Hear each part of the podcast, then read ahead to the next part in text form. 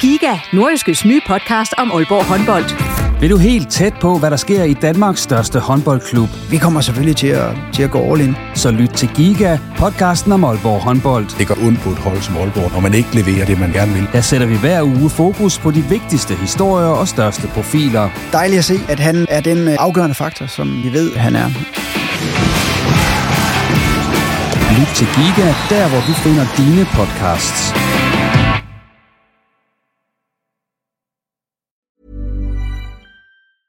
I'm Sandra, and I'm just the professional your small business was looking for. But you didn't hire me because you didn't use LinkedIn jobs. LinkedIn has professionals you can't find anywhere else, including those who aren't actively looking for a new job but might be open to the perfect role, like me. In a given month, over 70% of LinkedIn users don't visit other leading job sites. So if you're not looking on LinkedIn, you'll miss out on great candidates like Sandra. Start hiring professionals like a professional. Post your free job on linkedin.com/people today. Hey there, it's Michelle Norris. I'm host of a podcast called Your Mama's Kitchen. When I travel, I'm usually looking for a way to find a taste of home when I'm not at home. And one of the things I love to do when I am at home is entertain. And Airbnb allows me to do that. When I was in California recently, I rented a house that had a great kitchen. And when we were sitting around the table, we we're all thinking, we're in someone else's house. Someone could be in all of our homes as well. If you have a home, but you're not always at home, you have an Airbnb. Your home might be worth more than you think. Find out how much at airbnb.com/slash host.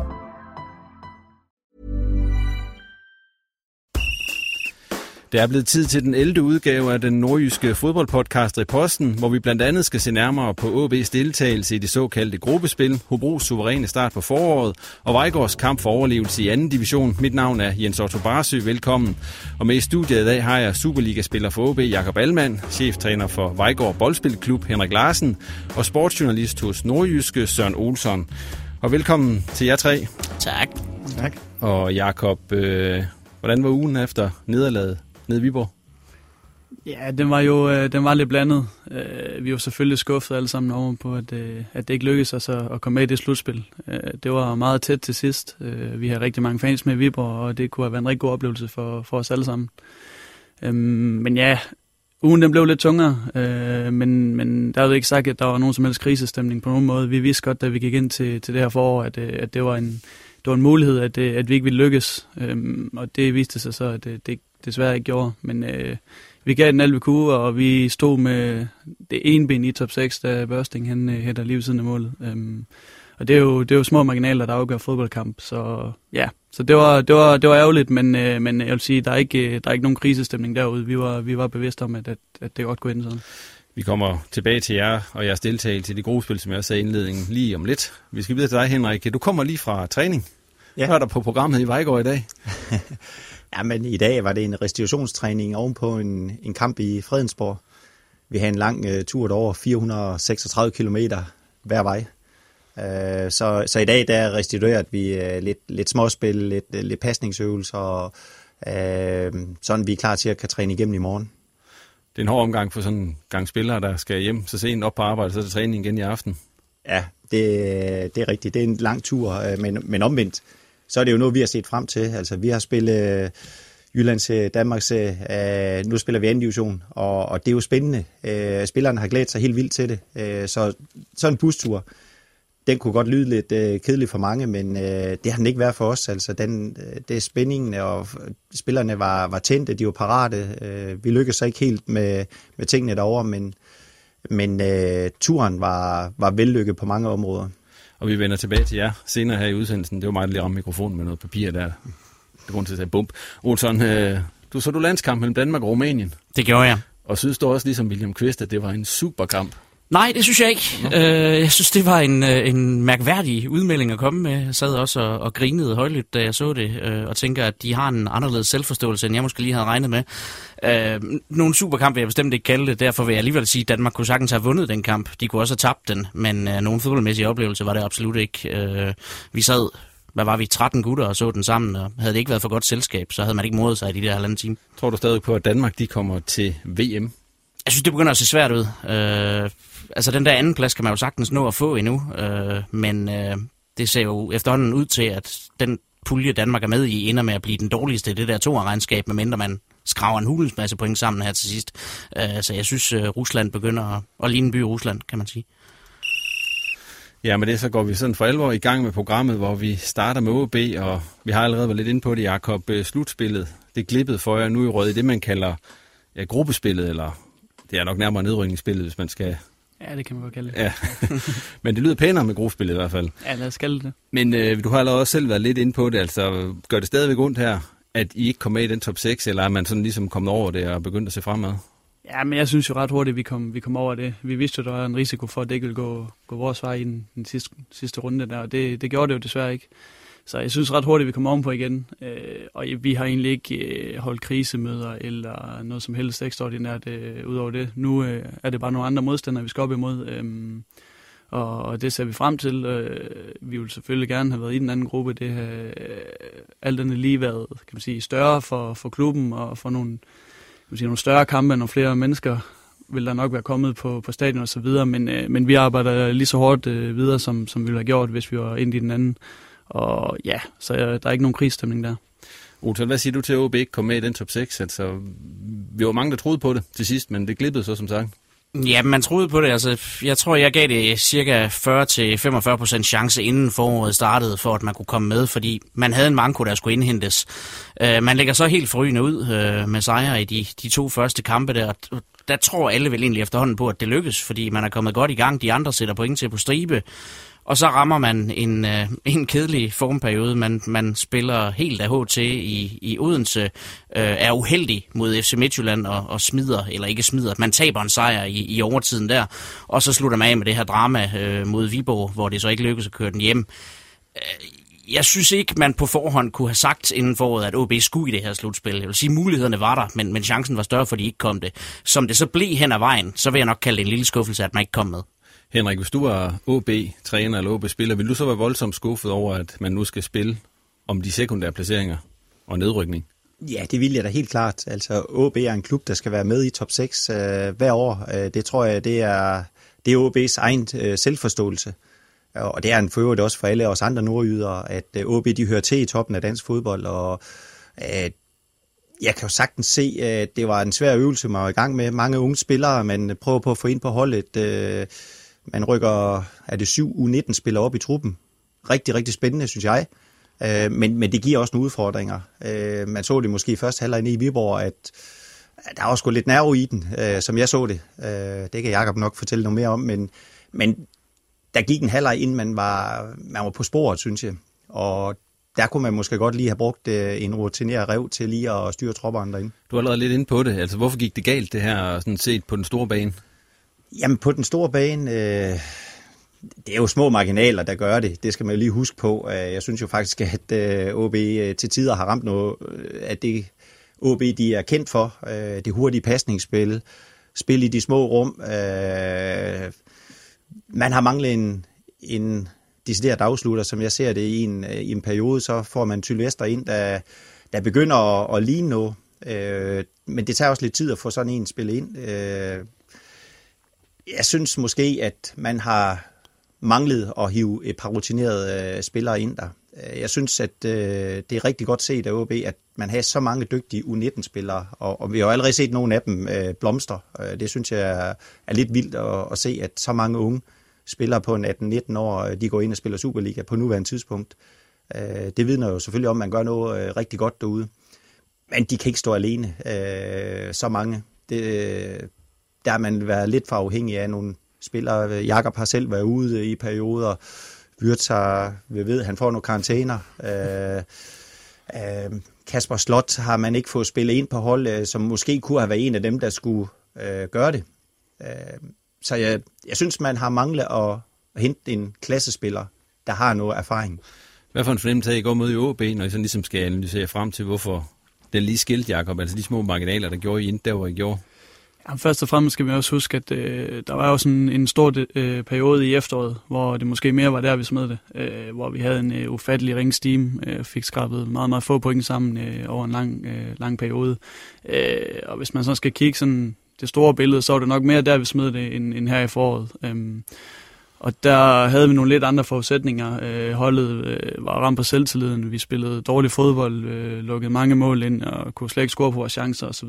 Øh, så, så lige den periode, den, den gjorde rigtig ondt, og, og den skabte jo ligesom den situation, vi stod i her i foråret, hvor jeg så egentlig synes, at vi kom pænt med, og som der også blev nævnt tidligere, så troede vi jo alle sammen på det til det sidste. Øhm, men igen, så manglede vi lige en sidste kvalitet. Vi taber 4-0 i Odense øh, i en kamp, som ja, jo var utrolig vigtig, ikke? og det, det må ikke ske, og det samme i, i, i Viborg, hvor det hele så er på spil, og, og vi går ned og leverer en, en skal vi ikke bare kalde det en lidt mager præstation, øh, og taber 2-1 dernede. Øhm, så, så jeg vil sige, øh, de der kampe, vi har haft på udebane her, især i foråret, øh, hvor der måske har været nogle af de, de lidt yngre spillere, der i hvert fald er blomstret på hjemmebane, men har set ud til at have lidt større problemer på udebane. Øhm, så, så, så der er jo nogle af de ting, som også spiller ind, når man har så mange unge med. Øh, og så må vi også sige, at øh, det, er ikke, det er ikke selvfølgelig ikke kun de unge skyld. Vi er også flere af de rutinerede, som, som kunne have præsteret bedre i, i nogle af de kampe. Ikke? Men man er et hold, man er 11 mand, og man er afhængig af hinanden, så man er også afhængig af, at alle 11 præsterer. Især når vi møder et top 10 Viborg-hold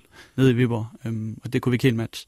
Lige det der, nu snakker du selv om kampen nede i Viborg også, øh, det der med at skulle spille samtidig med alle de andre, hvordan var det for en gang skyld? Altså det synes den sidste jeg, runde der. Ja, men personligt synes jeg, det er rigtig fedt, øh, især når der er så meget på spil. Øhm, du kan også se i nogle af de andre klubber, det betyder meget. Jeg tror aldrig en, øh, kan man sige, en potentiel 6. plads er blevet fejret med champagne, som den blev af Nordsjælland. Det, øh, det var lidt ekstremt at se på, og Sønderjyske, der meldte ud i et tv-interview efterfølgende, at de skulle på dødstruk. Det, det, det tror jeg ikke, man har set efter 26 runder før, så, så på den måde har en ny struktur jo også været med til at skabe noget, noget spænding og nogle, nogle, kan man sige, nogle, nogle gode momenter i løbet af sæsonen, og ikke kun til allersidst. Øh, så det var, det var spændende at se. Jeg synes, det var fedt at spille, øh, og man kan sige, nu endte det så skidt for os, men var vi nu gået videre, fordi vi har vundet kampen, og vi har hørt, at de har tabt dernede, jamen så har vi nok også været Elle vil. Øhm, og det har vi nok ikke været, hvis det har været en 26, 26. runde i en liga, der bare gik lige ud, så har vi ikke rykket så meget på det hele. Du er selv lidt inde på det med de unge spillere, der måske har det sværere på udebane, end de har det på hjemmebane. Altså, du har også selv været en ung spiller engang. Hvad er det, der gør, når man kommer på udebane, at, at det er sværere? Ja, men det er klart, at de der vante rammer er ligesom skifter lidt ud. Man har fansene i ryggen, du har hele stadion med på hjemmebane, øh, du kommer ud, og altså, man plejer som regel at lægge et vist tryk og gå ind til den her kamp og vide, at den her, den skal vi ud og vinde, og så bare ud over stepperne. Øhm, på udebanen kan man godt komme til at tænke lidt for meget over tingene. Øhm, og det hele kan godt blive sådan lidt hjemmeholdet, for måske lagt et tryk, som Viborg gjorde lidt i starten. Man bliver lidt presset af det hele, man kan lige pludselig høre, selvom vi har rigtig, rigtig mange fans med Viborg, kunne man jo også høre, at modsat, så gav det Viborg-fansene noget, noget tro på tingene. Øhm, så hele den der med at komme væk fra de, kan man sige, de vante rammer på, på hjemmebane, ikke, det, øh, det kan godt skabe lidt, lidt utryghed og lidt uh, ubalance. Øh, og det, det lærer man hen ad vejen helt sikkert. Øh, og det er jeg også sikker på, at de unge drenge allerede har lært øh, rigtig meget af, at, øh, at, at det handler også om at præstere på udbanen. Det, det andet, det er, ikke, det er ikke nok. Og der kommer jo tre udkampe øh, og tre hjemmekampe i det her nedrykningsspil eller gruppespil, som, som det kaldes, Olsen. Hvad kan vi forvente af, af det spil, der kommer her? OB starter ud med at være 8 point foran, kan man sige, dem, der ligger på, på de tunge pladser i øjeblikket. Jamen altså, helt klart forvente, at, at OB ender i en top 2. Øh, det mener jeg slet ikke. Altså, det må simpelthen ikke komme i fare. Jeg vil nærmest sige, at OB skal lukke den allerede efter de tre første kampe. Øh, man starter med en udkamp, men så har man hjemmekamp i både anden og tredje spillerunde. Og jeg vil sige, hvis tingene går, som de bør, så skal OB have lukket en, lukket en hver tvivl ned allerede der, og så skal de øh, kunne fokusere på at, at gøre sig klar til, til videre playoff-kampe og med eventuelt øh, europæisk deltagelse. Øh, det er en, en interessant pulje, øh, og det er en pulje, som på en måde kan blive svær for OB, fordi man skal ud og møde en masse af de her hold, som man nogle gange har svært ved at spille mod. Nogle af de her hold, som kommer til at stå lidt mere defensivt, nogle af de her hold, der fighter rigtig meget. Øh, men, men spillemæssigt, øh, kvalitetsmæssigt, bør OB ikke komme i fare af den her pulje. Og slet ikke med det forspring. Ja, vi skal lige gøre, for at gøre det klart, det er ikke er det sikkert alle, der ved det, der hører det her, det tror jeg nok, de gør, men det er AGF og, og Viborg Silkeborg, som I er kommet i, i gruppe med. Henrik, øh, hvad forventer du for en slags fodbold, øh, vi kommer til at se her i, øh, i det her nedrykningsgruppespil? Øh, Jamen, jeg forventer bestemt også, at OB de, de tager en af de to øverste pladser. Så tror jeg måske endda, at det kommer til at ligge lidt bedre til OB, fordi at de hold, man traditionelt har haft det lidt svært med, der er stillet sig langt tilbage på banen, sådan kan de jo ikke spille her, fordi de, de skal jo op og hente øh, nogle af dem, der ligger over, så de er nødt til at skal frem på banen øh, på et tidspunkt. Der. Og der ved vi godt, hvis det bare bliver løsnet lidt øh, i organisationen, der, så ligger det rigtig godt til OB at, at komme ind og spille i, i mellemrummene, øh, holde spillet fremadrettet derinde. Så jeg, jeg forventer faktisk, at OB øh, med lidt tålmodighed i starten af kampene, så vil de åbne sig op til OB's fordel. Jakob, hvad har I snakket om med hensyn til den gruppe, I havnet i? Altså med modstandere og hvad slags spil, der kommer til at, til at være der? Jamen, øh, for lige at starte med det, så vil jeg sige, at det er utrolig heldigt, at vi ikke fik scoret ned i Viborg blandt andet, fordi så er vi jo ind i den modsatte gruppe og har haft kun fem point ned, og det er jo en ekstremt mærkelig situation at stå i. Jeg tror heller ikke helt, folk de forstod det helt. Du ser jo Nikolaj Larsen løbe op i den anden inden for egentlig at prøve at score, ikke? men han øh, pandede den ind, så er det jo været skidt for os. Øhm, nu er vi havnet i den anden gruppe og har otte point ned, og som de andre også siger, det, det må selvfølgelig ikke gå galt, men, men derudover har vi også en, en kæmpe respekt for det her øh, nedrykningsspil. Første gang vi prøver det, og man ved ikke helt, hvordan folk reagerer, hvis man for eksempel taber de to første kampe, jamen øh, så er der jo heller ikke længere ned, end, end alt kan lade sig gøre. Øhm, men altså, jeg er helt enig i, at, at kampene skal ligge fint til os. Vi har vist, at vi har haft det rigtig fint mod Silkeborg de sidste par gange, og haft altid mange tæt kampe mod, mod AGF, og, og Viborg øh, har vi også rigtig fine muligheder mod. Øhm, så, så vi vil gerne have lukket så hurtigt som muligt, så vi ligesom kan fokusere på at ikke ja, ikke tænke i nedrykning, men ligesom de klubber, der sikrer sig top 6, kun udelukkende tænke på, at, øh, at vi skal jagte dem, der er foran os, øh, og egentlig helst ikke at være fri for at kigge nedad. Øh, og det er jo selvfølgelig det, der er målet, øh, at få den lukket så hurtigt som muligt. Mm. Og så vores eget spil bliver, jeg tror ikke, det bliver så meget anderledes. Altså, man kan sige, at i slutningen af kampene kan vi jo sagtens leve med en uafgjort. Øh, og det vil man måske kunne se, at vi ikke øh, for alt i verden skal op og jagte en sejr, fordi det ikke er os, der skal op og hente nogen. Øh, det er jo selvfølgelig en gunstig position for os at, at gå ind til kampene med. Jeg har bedt jer alle tre om at komme med tre ting, som I mener, I skal få ud af det her gruppe nedrykningsspil i de kommende i den kommende stykke tid.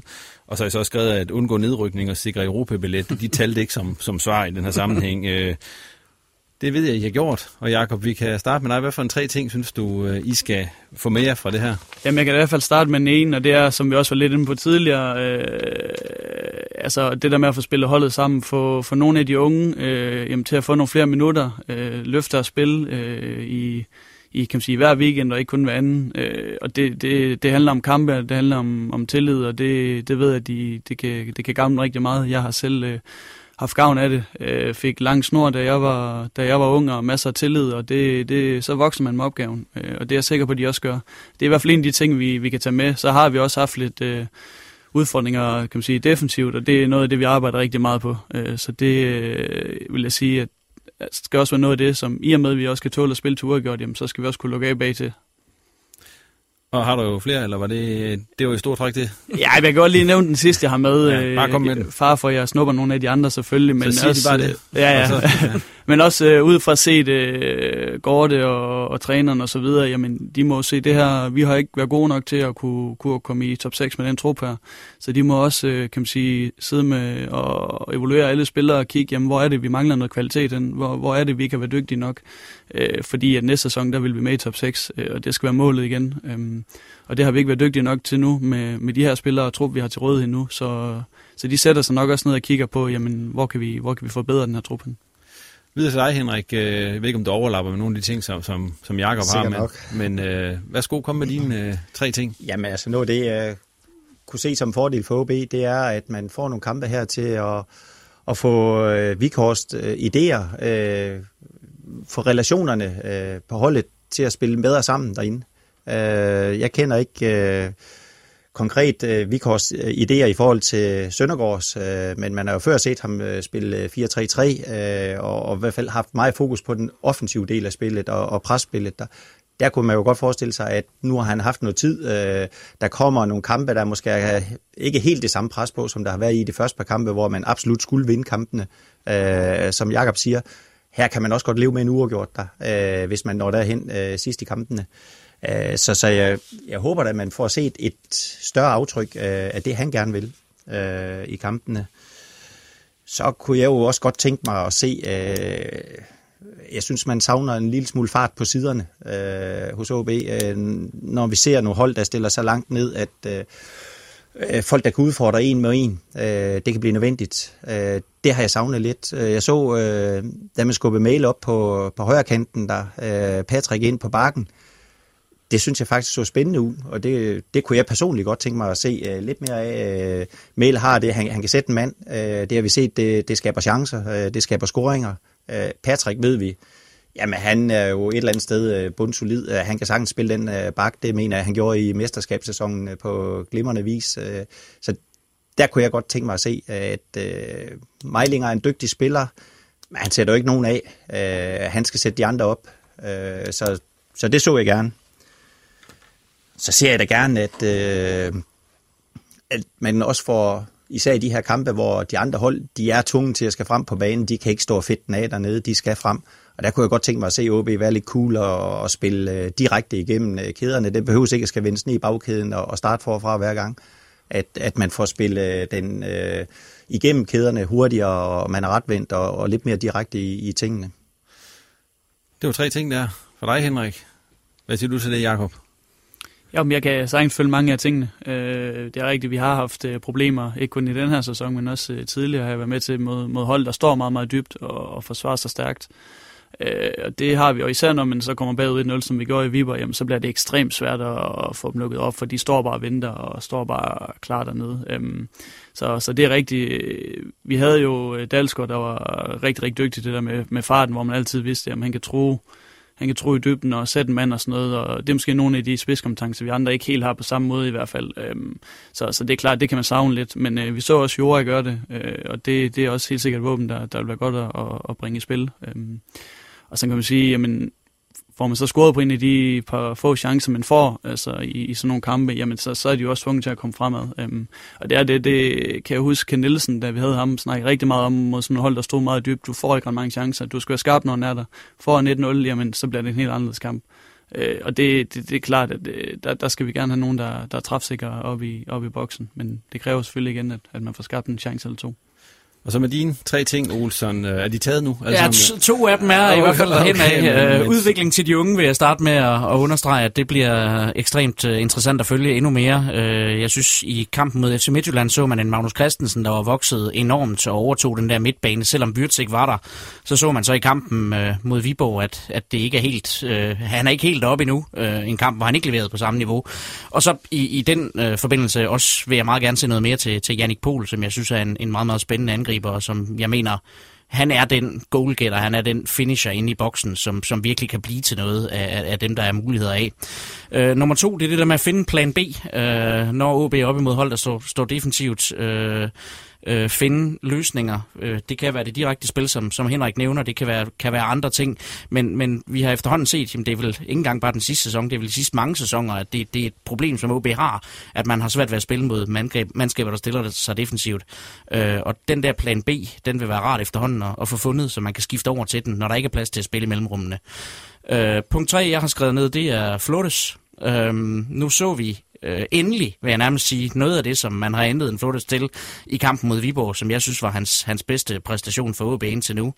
Øh, nu er han hjemme og spiller landskampe igen, og, eller har været det, og derfor frygter man altid, hvad det er for en Flores, der kommer tilbage. Men øh, kunne man få ham, nu har man tre måneder med potentielt 11 kampe her, kunne man få ham skadesfri, kørt ind, spillet ind, så vi kan se, hvorfor det var, man hentede ham. Øh, fordi så synes jeg, at det kunne være spændende også frem mod næste sæson. Så lukker vi den snak om OB i den her omgang og ser frem mod det nedryknings- eller gruppespil, der venter. Og Jakob, så kigger jeg over på dig nu, for nu skal vi lige snakke uh, lidt om dig og din situation i øjeblikket. Uh, du er lidt småskadet i øjeblikket. Ja.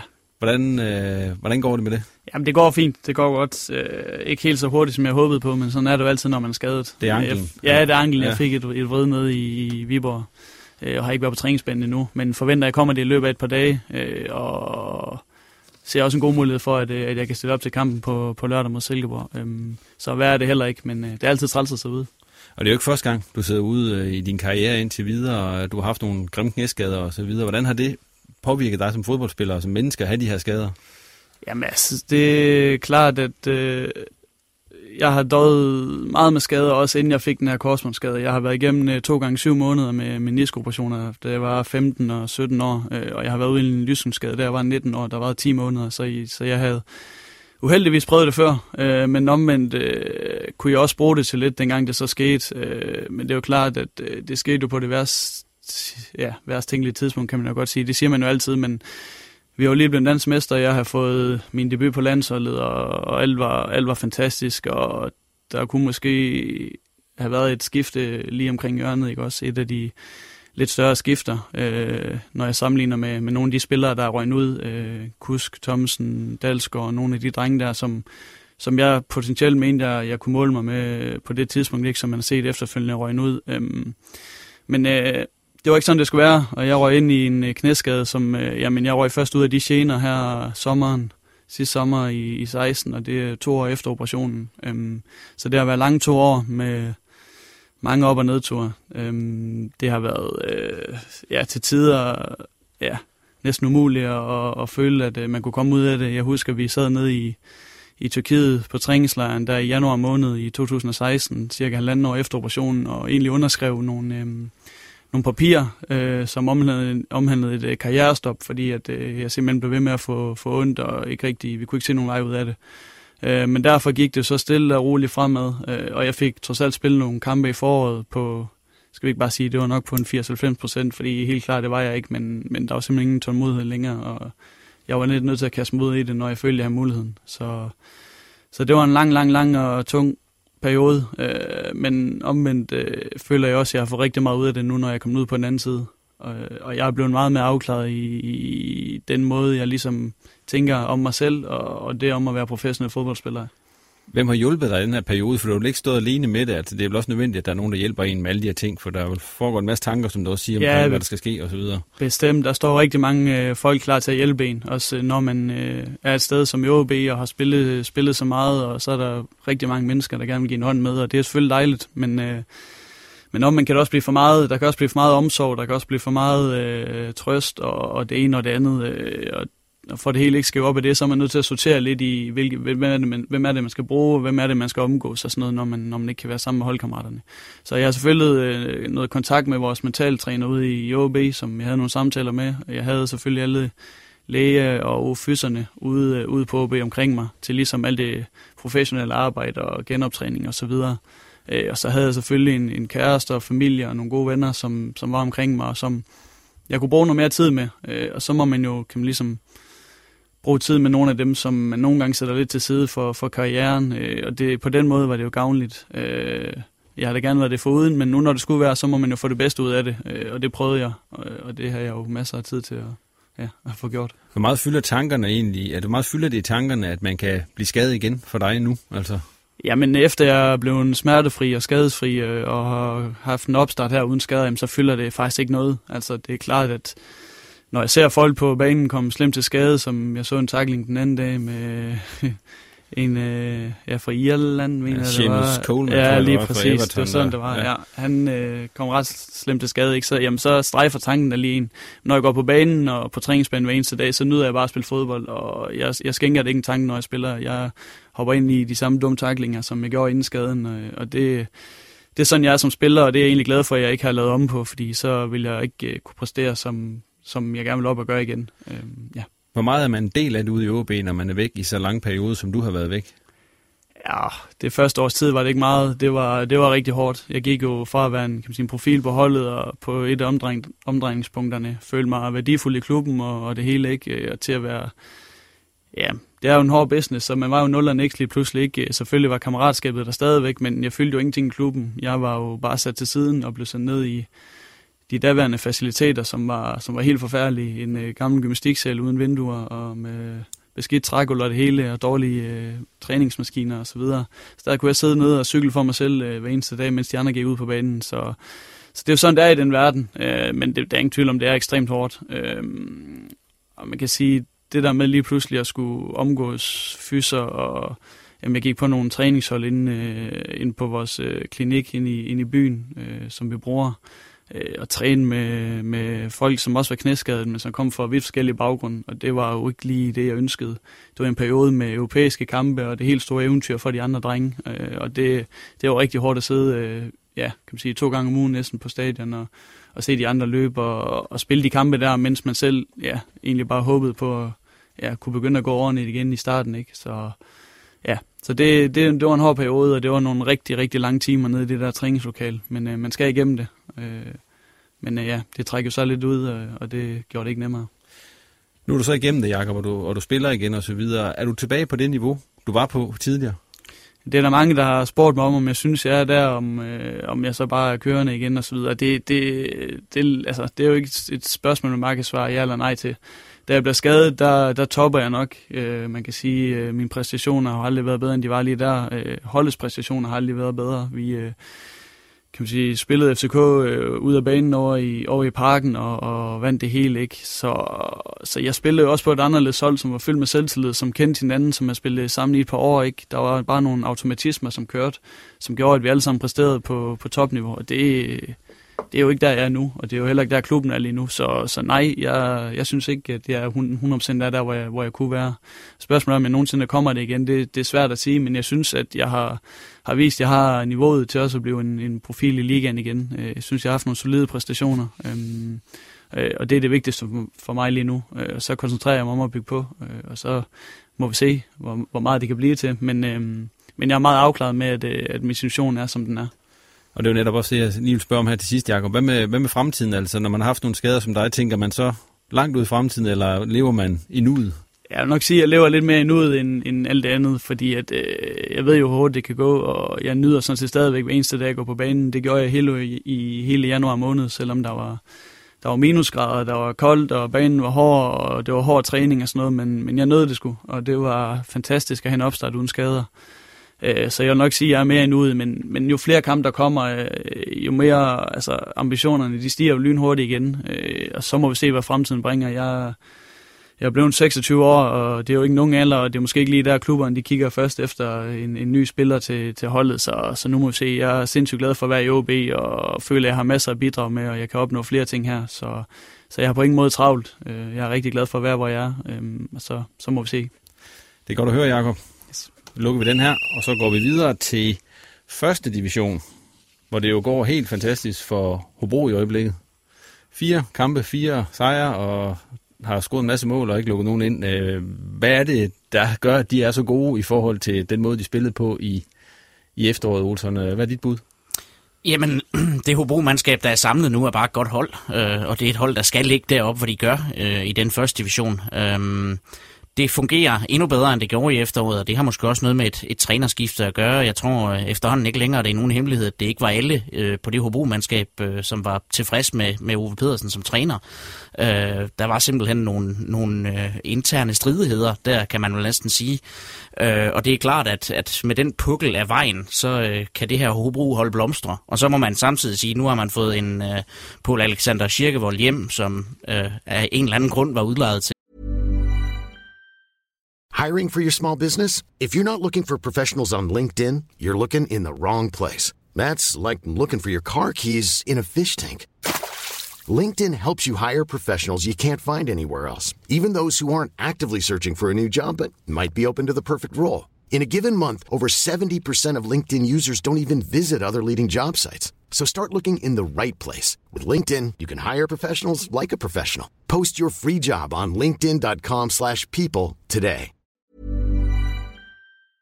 Til Norge i efteråret, øh, og den grund den var, at Ove Pedersen ikke mente, man skulle bruge ham. Øh, det kan man undre sig over, når man ser ham nu. Øh, fire mål i fire kampe har han lavet, øh, fem mål i fire kampe har han lavet her i, i foråret, øh, og han dukker op alle de rigtige steder. Øh, og score de der angribermål, men han laver også nogle solopræstationer, som er helt forrygende. Øh, når man så de der to mål, han scorede med Roskilde, det ene var jo bedre end det andet. Øh, så det er altså det, kvalitetsmæssigt hører Hobro hold til i, i, i top 3, og de hører nok også til i ja, nærmest top 1, øh, som den liga ser ud lige nu. Henrik, hvad er det for et Hobro du ser her i foråret i forhold til det, vi så i efteråret? Ja, nu har jeg for det første ikke set dem øh, så meget her i foråret, der, men øh, altså som, som Søren han siger, at det er et hold, et, et mandskab, der skal ligge helt frem. Øh, de har de bedste spillere, som jeg ser det, er den bedste trup. Øh, de træner på, på samme niveau, som øh, da de var i Superligaen. Øh, og så har Thomas Berg vel egentlig ført øh, nogle af de ting, Ove Pedersen havde, øh, den gode organisation, øh, standardsituationerne, dem har han taget med sig, og så har han jo formentlig fået bygge noget på, sådan at, øh, at de sprudler lidt mere. Øh, det, det virker som om, øh, der er lidt mere gejst, lidt mere humør på, på holdet derinde. Men som sagt, jeg har ikke set dem så meget til, at jeg kan vurdere, om, om der er sket de store ændringer på. Men det er jo stabilt at komme ud og starte øh, et, øh, en forårssæson, hvor banerne er svære, er svære vilkår øh, nogle steder. Jeg så øh, kampen over i, i Roskilde, når den øh, forfærdelige bane, de spiller på derovre, men, men der har de jo evnen til at, og ligesom at lukke det ud, og så bare spille efter forholdene. Jakob, tror du, det bliver Hobro, der rykker op? Det tror jeg bestemt. Øh, jeg synes også, som de andre siger, at de har en øh, utrolig stærk trup. Øhm, jeg har heller ikke set dem nok her til at kunne sidde og evaluere det ene og det andet på, øh, hvad det er, de gør anderledes osv. Men, men når jeg kigger på deres trup, og, og har fulgt lidt med. Nu kender jeg et par af spillerne også øh, personligt, øh, og sådan har set deres sociale medier. Jamen det ser ud som om, at de har det rigtig godt i den trup. Der er lidt af den der Hobro-ånd, som der var rigtig meget snak om i en periode. Jamen det ser ud som om, at den er ved at blomstre lidt igen. Nogle af de drenge, som var med dengang, de, de præsterede allerbedst, jamen de er der stadigvæk og, og skaber en, kan man sige, en, en ryggrad på det hold her. Øh, så jeg synes, det ser, det ser rigtig godt ud for dem. Og så er de så for alvor fået en bomber, som du også var inde på, øh, Olsen øh, Pål, Alexander Kirkevold, som jo ikke kunne bruges i, øh, i efteråret, men øh, så, så sandelig har taget revanche nu her. Er han, er han den bedste angriber i første division, som du ser det? Ja, det synes jeg, han er lige nu. Øh, og jeg synes, han viser det, hver gang han spiller. Øh, fordi han laver, han laver begge typer af mål, kan man sige. Han er angriberen og dukker op. Altså, vi se den, han scorer øh, i, i gårsdagens kamp, hvor han øh, følger op på, på en forsvarsspiller, der takler den ind på stolpen, og så står han der. Men han laver også de der soloaktioner. Han skaber selv nogle af mulighederne. Så han, han virker meget som en komplet angriber, øh, og viser lidt af det, som han gjorde, da, da de hentede ham til klubben i sin tid. Så kom der en nedgang efterfølgende, øh, men, men han er en, en forrygende angriber, det må man bare sige sige. Øh, jeg havde egentlig troet lidt inden det her forår, at, at han måske skulle konkurrere faktisk lidt med, med Thiago øh, fra Vendsyssel om den titel som første divisions bedste angriber. Øh, det må vi så sige, at den konkurrence har han vundet, som, som det ser ud indtil nu. Nåede du at spille mod ham, Jakob, da han øh, var med op i, i Superligaen? Det tror jeg faktisk ikke. Jeg gjorde i en træningskamp her for ikke så længe siden. Hvad er han for en at spille over for? Jamen, øh, Altså, at spille mod, må jeg hellere sige. Ja, men han er jo en lidt ubehagelig type. Han er sådan meget pågående og lidt uortodox og så videre. Kan noget på egen hånd også. Øhm, og en god energi og sådan noget. Det, det er jo noget af det, man, man havde som forsvarsspiller. En, en angriber, der bare brager en en og ligesom er ligeglad med at slå sig og jagter alle bolde og sådan noget. Sådan, øhm, så, så på den måde synes jeg jo, han virker... Ja, ekstremt øh, agerig og, og har så også set farligt ud, ikke? Øh, når han så begynder at smide bolden i kassen oveni, ikke? Jamen så, så er du en angriber, som, som også kan begå sig på, kan man sige, på højere niveau. Og mens Hobro de altså ser ud til at, at brage ud af fortsat, så ser det noget anderledes ud med, med det andet nordjyske hold i første division. Vendsyssel FF, øh, det ser ud til, at det er tredje år i træk, hvor de får en helt håbløs start på, på foråret, Olsson. Hvad er det, altså hvad, når, du, når, du, når du har set dem spille, hvad er det så, der går galt for dem? Jamen, de er øh, ikke specielt farlige, som det ser ud lige nu. Øh, de har øh, de har da skabt nogle chancer, men dem sparker de så ikke ind. Øh, og, og så tror jeg meget hurtigt, at det er en trup, der kan komme i tvivl om, øh, hvad de laver i øjeblikket med hele den opstart, de har været igennem nu her, med, med første overtagelse af nye investorer og ny struktur omkring det, og så en sen trænerfyring og, og Erik Rasmussen, der overtager. Så starter man så ud med at vinde den der pokalkamp mod OB Køge og spiller helt fantastisk, og så tænker alle, okay, nu kan det godt være det nu, men, men, men når du så har set dem i første divisionskampe. Jeg har alligevel set øh, tre af de fire kampe, de har spillet indtil nu, øh, og, og det, det har ikke rigtig fungeret. Altså, øh, defensiven står stabilt, og du har en Jesper Christiansen i målet, som, som altid leverer, og et par, par rutinerede forsvarsspillere. Men det der med at skabe chancerne, du har set nogle enkelte gode solo, solopræstationer fra en, en Ninos øh, Gudi, og, og, men for eksempel en, en Christian Moses, som man har hentet op fra, fra Uganda, har absolut ikke overbevist mig nu om, at han er første divisionsspiller. Øh, en Shadrach Egan, som øh, var en profil i Twente engang, har, har heller ikke vist mig det endnu. Øh, jeg synes ikke, jeg synes ikke holdet ser komplet ud, og især ikke dem, der skal levere øh, op offensivt. Henrik, sådan hold, hvor man løber ind i sådan en steam her nederlag nu, hvor man måske havde forestillet sig altså noget andet, da man gik i gang. Hvad gør man som træner for at løfte sig et hold? Hvorfor spørger du lige mig? Nej, men det, det, jeg tror, øh, der er stor udfordring deroppe, det er jo, at hvis spillerne de kommer i tvivl, nu har man skiftet træner, de lå trods alt til oprykning, de spillede en 3-5-2'er, som de har succes med, øh, vandt den rigtig med øh, mange kampe, skifter de træner nu, og de har selvfølgelig også skiftet ud øh, på det administrative. Øh, øh, hvis spillerne de kommer lidt i tvivl om, om det er det rigtige. Nu spiller de en 4-4-2. Jeg har ikke set dem, men som jeg forstår det, jeg kunne godt forestille mig, at man som spiller øh, kommer lidt i tvivl om, er det det rigtige, vi gør? Og hvis først, at det sker, at spillerne kommer i tvivl, jamen så er man sgu lidt på skideren, som jeg ser det. Øh, fordi at så, så de indbyrdes relationer, der kommer en masse undskyldninger for, hvorfor tingene ikke lykkes. Der, der, der er hele tiden en, en forklaring, øh, der ligger øh, og venter øh, fra spillerens side af, jamen det er også fordi, øh, jeg er ikke vant til at spille øh, på den position, øh, og så videre. Og den der tvivl, den er ikke rigtig god at have inde på et hold. Øh, om det er det, der er sket, øh, det kan jeg ikke svare på, men jeg ved bare, at øh, man, man har brug for noget tryghed i den måde, man spiller på. Øh, og har man den, jamen, så er sandsynligheden for, at man øh, vinder nogle kampe øh, også større. Olsen, du får lige lov til at få sidste ord i den her sammenhæng. Øh, er de ude af spillet omkring øh, oprykningen i Vendsyssel? Det tror jeg aldrig helt, man kan sige, at man er i første division, fordi i den række, der kan, der kan alting ske. Øhm, så så øh, med, med et par sejre i rap, øh, så, så kan man komme derhen af. Øh, men, men som spillet har set ud, så synes jeg ikke, det, det tegner lovende. Øh, men igen, den her række, den er så mærkelig. Alene det, at Skive ligger til at, undskyld, at, at kunne rykke op lige nu, altså det, det siger alt om, hvad det er for en mærkelig række. Så, så jeg synes ikke, man skal afskrive dem endnu, men de skal, de skal til i gang. De skal til i gang, siger du. Og noget, vi skal tage i gang med, det er et nyt øh, element, som vi forsøger her i programmet, og det er så kaldt det tvangsanekdoter, det er fordi, at øh, nu skal I til at fortælle nogle historier, sådan, som jeg har bestemt, hvad det er for nogle historier, I skal fortælle mere eller mindre, i hvert fald oplægget til dem, kan man sige. Og øh, Jakob, vi kan starte med dig. Yes. Jeg gav dig en opgave om at lave en top 3 over dine sværeste modspillere i karrieren. Og det behøver ikke kun være Superligaen. Du må også tage, hvis du har spillet over for en gang, du var lille put i, ja, i Brønderslev. Okay, ja. du måske ikke altså, så, langt til, så langt tilbage er ikke. Nej, trods alt ikke. Øh, der var også nogle dygtige spillere dengang, ja. men øh, det husker man ikke så godt. Nej. Nej, jeg har egentlig to af dem er nogen, jeg har spillet direkte over for, men øh, på tredjepladsen, der var jeg simpelthen nødt til at tage Zlatan Ibrahimovic, Ibrahimovic med ind øh, fra, fra landskampen, jeg spiller over i parken mod Sverige. Øhm, det var egentlig ikke, fordi han gjorde det store væsen af sig i den kamp, og jeg tror måske, jeg havde halvanden duel med ham. Så det, det var jo ikke meget, jeg fik lov at spille direkte over for, men han var simpelthen for, for stort et navn til, at, øh, at jeg vil lade ham øh, gå fri her. Han ville jeg også name drop, hvis jeg havde mulighed. Ja, ikke? Det er også det. Jeg er nødt til at sige det her, så folk de husker det. Det, det, var, en, det, var, en, det var en stor oplevelse, men, øh, men som sagt, vi har ikke de vilde dueller, så det var ikke fordi, jeg kan fortælle en hel masse om, hvordan han snøder mig. Men øh, det kan jeg til gengæld med de, de to næste. Og hvem er det så? Jamen, øh, nummer to, det er Christian Bolaños, øh, som jeg havde fornøjelsen af at spille over for nogle gange, men... Øh, jeg husker nok tydeligst en kamp ind i parken, hvor vi, jeg mener, at vi taber 3-0. Øh, men øh, jeg havde i hvert fald øh, mit hyr med, med ham i den kamp. Jeg tror, jeg starter med at tage bolden til ham uden for feltet efter 10-12 minutter, og den vælger han at, at, at klappe ind. Øh, og så ved man jo godt, hvem pilen peger på. Øh, og efterfølgende så har jeg egentlig bare mit hyr med ham resten af kampen, og, og ender til slut også med at lave strafbak på ham, som Nikolaj som redder, mener jeg. Øh, men øh, jeg husker også min karakter i Nordjysk øh, dagen efter, det var ikke så flatterende, og det var, det var helt på sin plads. Der, der havde jeg det svært, øhm, så, så han var i hvert fald værd at nævne. Han øh, kom ret hurtigt op.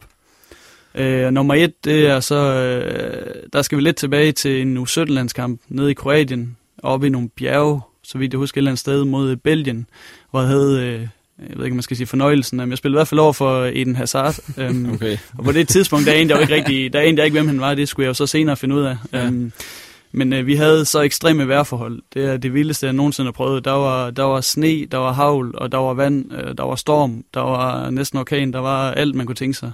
Det var helt forfærdeligt. Banen den var fyldt op med vand og mudder, og bolden kunne nærmest ikke engang trille en omgang, før den, den havnede i en vandpyt. Så, så ham der Eden, han valgte jo at kan man sige, tage bolden op i luften, og sådan set spacere forbi os med bolden i luften. Det var, det var let og ydmygende, og jeg fik heller ikke ret meget mere end 45 minutter af den kamp, før jeg fik lov at tage plads på bænken i, i silende regnvejr og slud og så videre. Så, så det, var en, det var en meget hård eftermiddag på, på rigtig mange måder. Det tror jeg på. Ja. ja og han er ikke blevet ringere siden Det, var, så det, det, det trøster mig lidt her nogle år efter, at jeg ser, hvor, hvor langt den er kommet, og hvor dygtig en spiller han er. At, øh, men det vidste jeg jo ikke dengang, så der følger jeg mig bare ydmyget. Og Henrik, så videre til dig. Du har fået, du er blevet spurgt om, hvad den mest vanvittige kamp, øh, du har oplevet, mens du har siddet på trænerbænken? Jamen, jeg har jo oplevet et par stykker, og øh, jamen, det mest vanvittige, det var, det var naturligvis, da vi øh, rykkede op i anden division. Øh, vi var ude i en, øh, en afgørende kamp mod Kastrup på hjemmebane. Øh, rigtig mange var ude at se kampen, og vi pressede øh, godt på. Vi vidste, at vi skulle over og spille mod Greve øh, ugen efter, og øh, det var et rigtig godt hold. Jeg var over at se øh, Greve og Kastrup i den første kamp, der, og Greve de så stærke ud. Vi var totalt øh, slidt øh, på det tidspunkt efter en lang sæson. Vi har præsteret øh, væsentligt bedre end nogen havde forventet, øh, og ligger til at kan rykke op. Og så skal ud og spille en fuldstændig afgørende kamp. Øh, med den nerve, der nu er i det, øh, både på øh, spillersiden, men selvfølgelig også øh, i teamet omkring holdet der.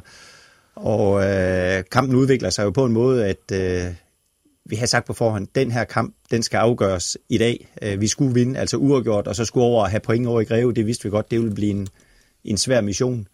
Så vi gik øh, benhårdt efter det, og øh, i fire minutters overtid, der scorer Martin Slot Christensen det afgørende mål, og vi rykker op, og Jamen, de der, det scenarie, der udspiller sig der, det, det var jo vanvittigt. Øh, man vidste jo ikke rigtig, hvordan man skulle reagere. Jeg øh, tænkte, jeg skal, jeg skal holde hovedet koldt, da spillerne de omfanger hinanden ned i hjørnet, og, og det ender også med, at jeg løber derned og, og, og prøver på at få spillerne med op. Altså, der var stadigvæk øh, lidt tid tilbage af, af kampen der, og Øh, Martin, øh, der scorede, han havde smidt sin trøje, og den skulle de have fundet også. Øh, så der var, der, var, der var halvdelen af dem, vi har skiftet ud, de kunne næsten ikke humpe derned, fordi de var småskadet.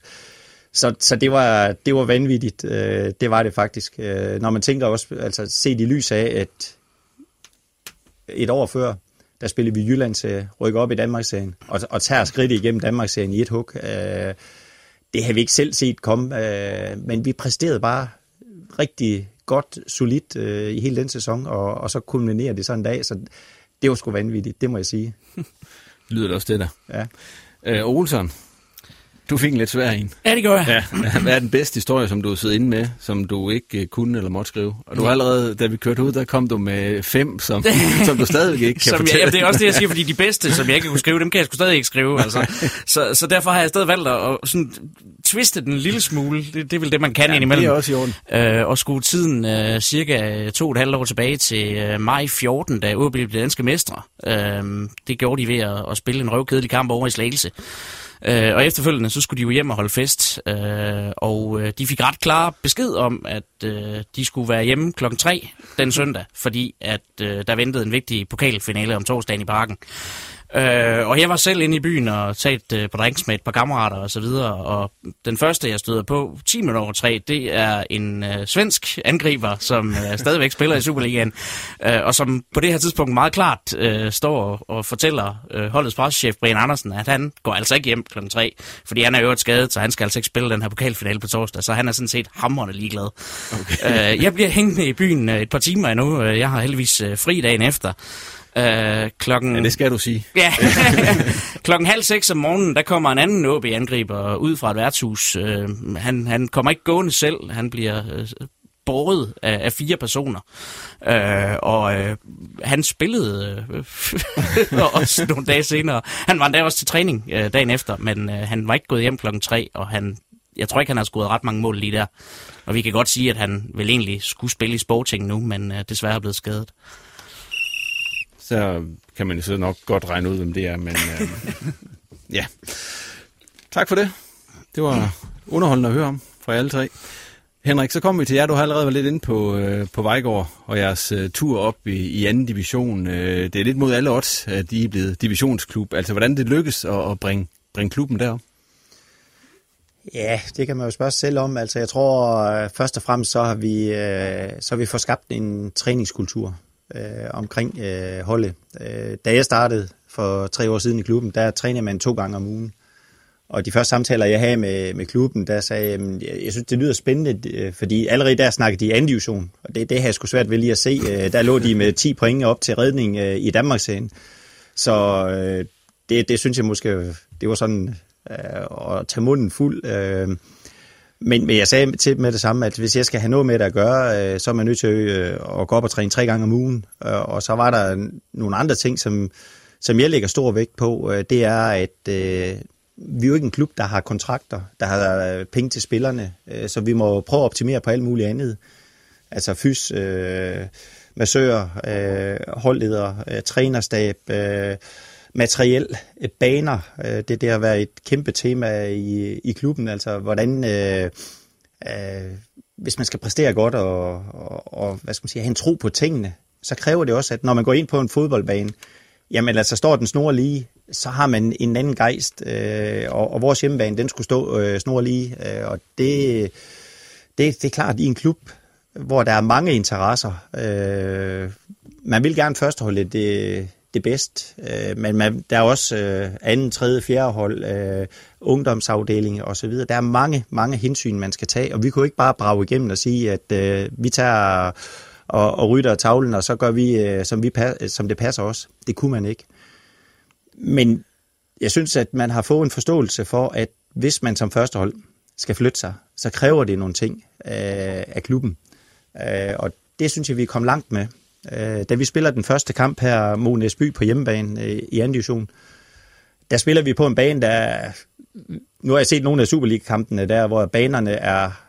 Jamen, jeg kan godt sige jammerlige øh, at se på. Det, det er jo forfærdeligt at tænke, at, øh, at man over i England i fjerde bedste række kan lave øh, baner, der er væsentligt bedre. Øh, men den bane, som Aalborg Kommune de har præpareret, øh, den var fantastisk. Og der, der tænkte jeg bare, altså det er, jo, det er jo et langt sejt træk, vi har taget sørge for at have en god øh, dialog med kommunen omkring øh, tingene der. Vi har fået øh, en trup op at køre, øh, som er stærk. Vi kan jo ikke bare hente nogle spillere. Øh, vi er nødt til at, at sige, jamen dem, der gerne vil spille ved os, øh, vi må tilpasse øh, spillestilen efter det. Øh, det var selvfølgelig rart at, at kunne sige, at vi mangler en bestemt type, ham henter vi lige. Det kan vi ikke. Så, så det har været et langt, sejt træk. Det har været hårdt arbejde øh, for, for både for klubben, men, men så sandelig også for spillerne. Der er jo mange, da vi spillede den første kamp hjemme mod øh, Næsby her øh, i anden halvdel af, af anden division her, der er der ikke en eneste af de spillere, der, der er med på i truppen, der før sæsonen har spillet en divisionskamp. Så, så det er de samme spillere, der er gået fra Jylland til op og spille divisionsfodbold. Og det er et stort spring øh, for mange af dem der. Men jeg synes faktisk, at øh, vi har flyttet os godt. Og ikke mindst, øh, så træner vi på et helt andet niveau i dag, end vi gjorde for et par år siden. Hvordan, hvilke udfordringer er der for dig som træner i den her? Fordi nu snakker du om, at det har været hårdt for klubben, det har været hårdt for, men for dig har det jo også været sjovt at se det rykke sig på den måde. Jamen det har det, øh, og det er selvfølgelig også det, der er, der er drivkraften i det. Altså jeg vil da gerne træne på så højt niveau som muligt, øh, men øh, man kan sige, øh, jeg tror, der er mange i klubben, der tænker, at ham, øh, Henrik Larsen, der, han er sat, han fylder meget. Øh, han, er, han er irriterende, og han vil det hele. ikke. Øh, og jeg har bare været nødt til at presse på, hvis, hvis man vil spille anden division. Så var der ingen vej tilbage, øh, så skulle vi have nogle ordentlige forhold. Øh, det synes jeg, vi har fået. Øh, jeg har en rigtig dygtig målmandstræner, Paul Hansen, som har flyttet vores keeper helt vildt. Jeg har en super øh, assistenttræner, Allan øh, K. Larsen, som selv har spillet divisionsfodbold. Øh, kom uden trænererfaring, men man har været en god sparringspartner. Øh, vores holdleder er outstanding, øh, som er, er der hele tiden og, og hjælper til på alle øh, måder. Øh, vores øh, fys og, og massør. Øh, altså, de der praktiske ting, det har taget tid, øh, og når man har et fuldtidsjob ved siden af, så, så en gang imellem, så, så sover man sgu godt, når man kommer hjem. Hvordan er vilkårene for dig som træner? Altså, hvad, hvad, hvad har du arbejdet med sådan set? Jeg tænker også på sådan en øh, kan, kan, kan du risikere, at der er nogen, der vil afbud, fordi de skal til konfirmation og sådan noget? Er det, er det der, vi er? Eller? jeg vil sige, det er også et af de steder, hvor vi, vi kom langt. Altså, øh, som jeg siger, når, når ens tante hun fylder 37, øh, så er det jo ikke øh, hvad det hedder, grund til at tage et afbud på den. Øh, det er vi uover. Øh, så der skal meget til. Øh, det skal altså, jeg har i min Lindholm-tid, der, der havde øh, et afbud, øh, fordi der var en af spillerne, jeg kan godt sige navne, fordi at, øh, vi har grint af en mange gange, Kasper Holt, øh, at han kunne ikke spille en vigtig, vigtig kamp. Jeg havde meldt afbud til en konfirmation som, som træner. En af mine bedste kammerater, Knight, skulle konfirmere sig. Jeg meldte afbud. Men Kasper Holt, han skulle svømme over Limfjorden sammen med hans bror. det var satans svært at sluge, det må jeg godt nok sige. Der, der tænkte jeg godt nok, hvad, hvad laver jeg her? Altså, øh, men øh, vi kom videre fra den, øh, og det er vi også kommet i Vejgaard. Det, det stadie er vi over. Nu siger du selv det med spillerne, altså det er nogen, der skal komme til jer, men I gør vel også noget, noget aktivt for at gøre jer attraktiv så for nogen? Altså, der kan man jo godt være taktisk i den sammenhæng. ja, men det kan man godt. Altså, det handler også om at have et godt netværk. Øh, og, og det føler jeg, at vi har. Øh, man har antennerne ude, øh, holder øje med, hvad der sker. Vi har også fået spillere til os, som, øh, som ikke var kommet til os, da vi spillede i Jylland. Øh, der ringer nogle spillere til os. Øh, kan vi spille ved jer? Jeg, jeg ved ikke, hvor mange mails jeg har fået fra øh, spillere øh, fra udlandet af. Øh, fra deres agenter og så videre. Altså, når jeg starter med at skrive til dem, det, det er fint, det lyder spændende, men vi har for øvrigt ikke en krone til dig, øh, så, så hører man ligesom ikke mere til dem. Øh, vi er nødt til at kigge på det lokale øh, og, og skabe nogle rammer, som er spændende, øh, og som folk godt kunne tænke sig at være i. Øh, vi, vi, jeg plejer at sige, at vi skal være den mest professionelle amatørklub, der er. Og der tror jeg, vi er kommet langt. Når jeg kommer rundt og ser, hvad der sker i andre divisionsklubber, øh, klubber, der har været i anden division øh, længe, øh, så er jeg sgu faktisk stolt af det, vi kommer og præstere. Der, der synes jeg faktisk, vi øh, allerede er lys over for nogle af dem. Nu ligger I øh, under stregen i øjeblikket anden division og kæmper for at, for at overleve i anden division. Men hvad kommer det til at betyde på sigt, at I er i anden division? Jamen altså, det er jo utrolig vigtigt. Da vi rykkede op, øh, kvæg vi skulle i kvalifikationskampe, så havde vi 14 dages pause, inden vi startede vores træning op igen. Og så, så, så skulle vi agere som et divisionshold. Det må vi erkende, det nåede vi ikke helt. Øh, så, så vi var på bagkant. Øh, det har vi fået samlet lidt op på her i vinter. Øh, haft en fin opstart. Der, øh, man kan sige, vores første kamp mod Næsby, meget etableret øh, andivisionshold, som i flere år har spillet med om at, at rykke op til, øh, til første division der. Øh, vi er foran to gange mod dem, og det er et godt hold. Øh, vi bliver nødt til at spille ud fra, fra det, vi er gode til, og det er en, det er en god organisation. Det er et hårdt presspil, øh, det er omstillingsspil. Øh, vi vil gerne noget mere, men vi er også nødt til at kigge på øh, at, være realistisk. Men det, det betyder for os at overleve den første sæson, det gør jo, at vi har taget et kæmpe spring. Der er jo nogle ting, det skal vi ikke øh, rode med igen. Det er på plads. Men det bliver svært, det ved vi. Og hvad, øh, for, altså hvad for et forår bliver det nu, I skal til i gang med? I har spillet et par kampe allerede. Øh, hvad forventer du dig af det, der kommer her i, i de kommende måneder, hvor det så bliver overlevelseskamp for jeres vedkommende? Jamen, det bliver det. Øh, det. Det bliver en balancegang, fordi at, øh, der, var, der er 16 kampe øh, på et forår. Det er flere, end øh, man nogensinde har spillet. Øh, så, så tingene bliver jo ikke afgjort øh, efter fem kampe. Det skal vi huske på. Altså, det handler også lidt om at have en, en bredde i truppen, øh, for jeg tror, det bliver hårdt. Øh, der skal spilles, øh, inden man er på den anden side af pås, så har man spillet seks kampe allerede. Øh, det er hård kost. Øh, så jeg tror, det bliver afgørende at kan holde øh, truppen øh, fit og, og skadesfri, øh, så vi har noget at, at kan skifte med og rotere med. Det tror jeg kan blive afgørende i forhold til nogle af vores konkurrenter. Hvor meget skal det til, for, tror du, før I, før I overlever? Altså, jeg tænker rent pointmæssigt og så videre. Jamen, jeg kigger en kamp frem, og det, det, det er selvfølgelig den klassiske. Det, nu bliver der smilt lidt om, omkring bordet her, men jeg har ikke, øh, jeg har ikke sat noget point på, fordi at øh, vi, vi, vi skal ikke kigge længere frem. Øh, vi har tre point op til stregen, så, så den er jo ikke længere end at uh, tre point uh, på lørdag, så er vi måske over stregen. Og det er det, jeg kigger på.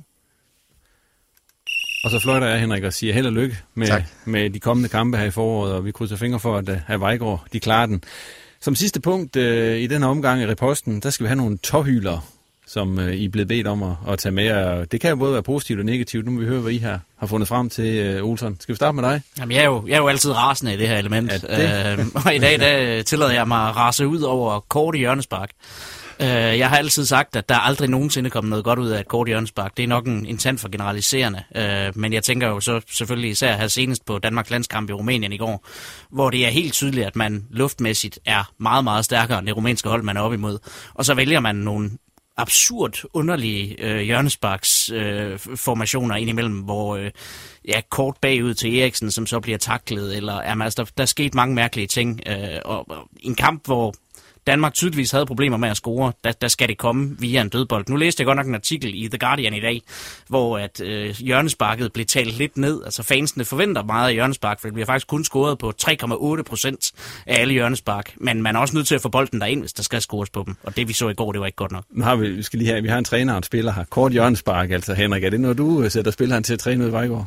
Uh, nej, det er det ikke. Uh, det, det, det praktiserer vi uh, meget sjældent. Øh, det handler så også lidt om, at vi har nogle typer, som er rigtig stærke i hovedspillet, så giver det ikke mening at, at stå fitten øh, rundt derude. Øh, jeg er heller ikke øh, tilhænger af de korte hjørnespark. Øh, hvis man har et hold som Barcelona, som øh, i snit vil er en meter 75, så er det vel okay at, at spille i kort hjørnespark. Øh, men, men ellers så kan jeg godt lide at, at få spillet bragt øh, ind, hvor målen de bliver scoret, og de bliver scoret ind i, i boksen. Jakob, når du ser modstanden i laver kort hjørnespark, står du så og tænker, Phew. ja, det gør jeg nogle gange. Jeg står tit og bokser med en derinde. Så... Men øh, nej, jeg vil også sige, vi har også praktiseret det lidt øh, i erkendelse af, at vi ikke er et, øh, et stort og, og stærkt hold. Øh, så det, det har simpelthen været noget af det, vi har kigget på og ment, at jamen, øh, der kunne nogle gange være større muligheder for os at holde bolden langs jorden og i spil, end, øh, end bare klaske den ind over øh, i hovedet på, på hvor et hold, som måske har 5-6 øh, store, stærke drenge derinde, og vi har 2,5. Ikke? Øhm, så på den måde. Men jeg er helt enig, når det, så, når det går galt, så ser det jammerligt dumt ud, og, og man får en omstilling lige tilbage i hovedet. Øh, så, så det kan også ende i noget rigtig råd. Øh, men øh, en god blanding, det, det, det skal der være plads til. Vi går videre med tårhylderne. Henrik? Jamen, jeg har været lidt inde på det. Det er, det er baneren.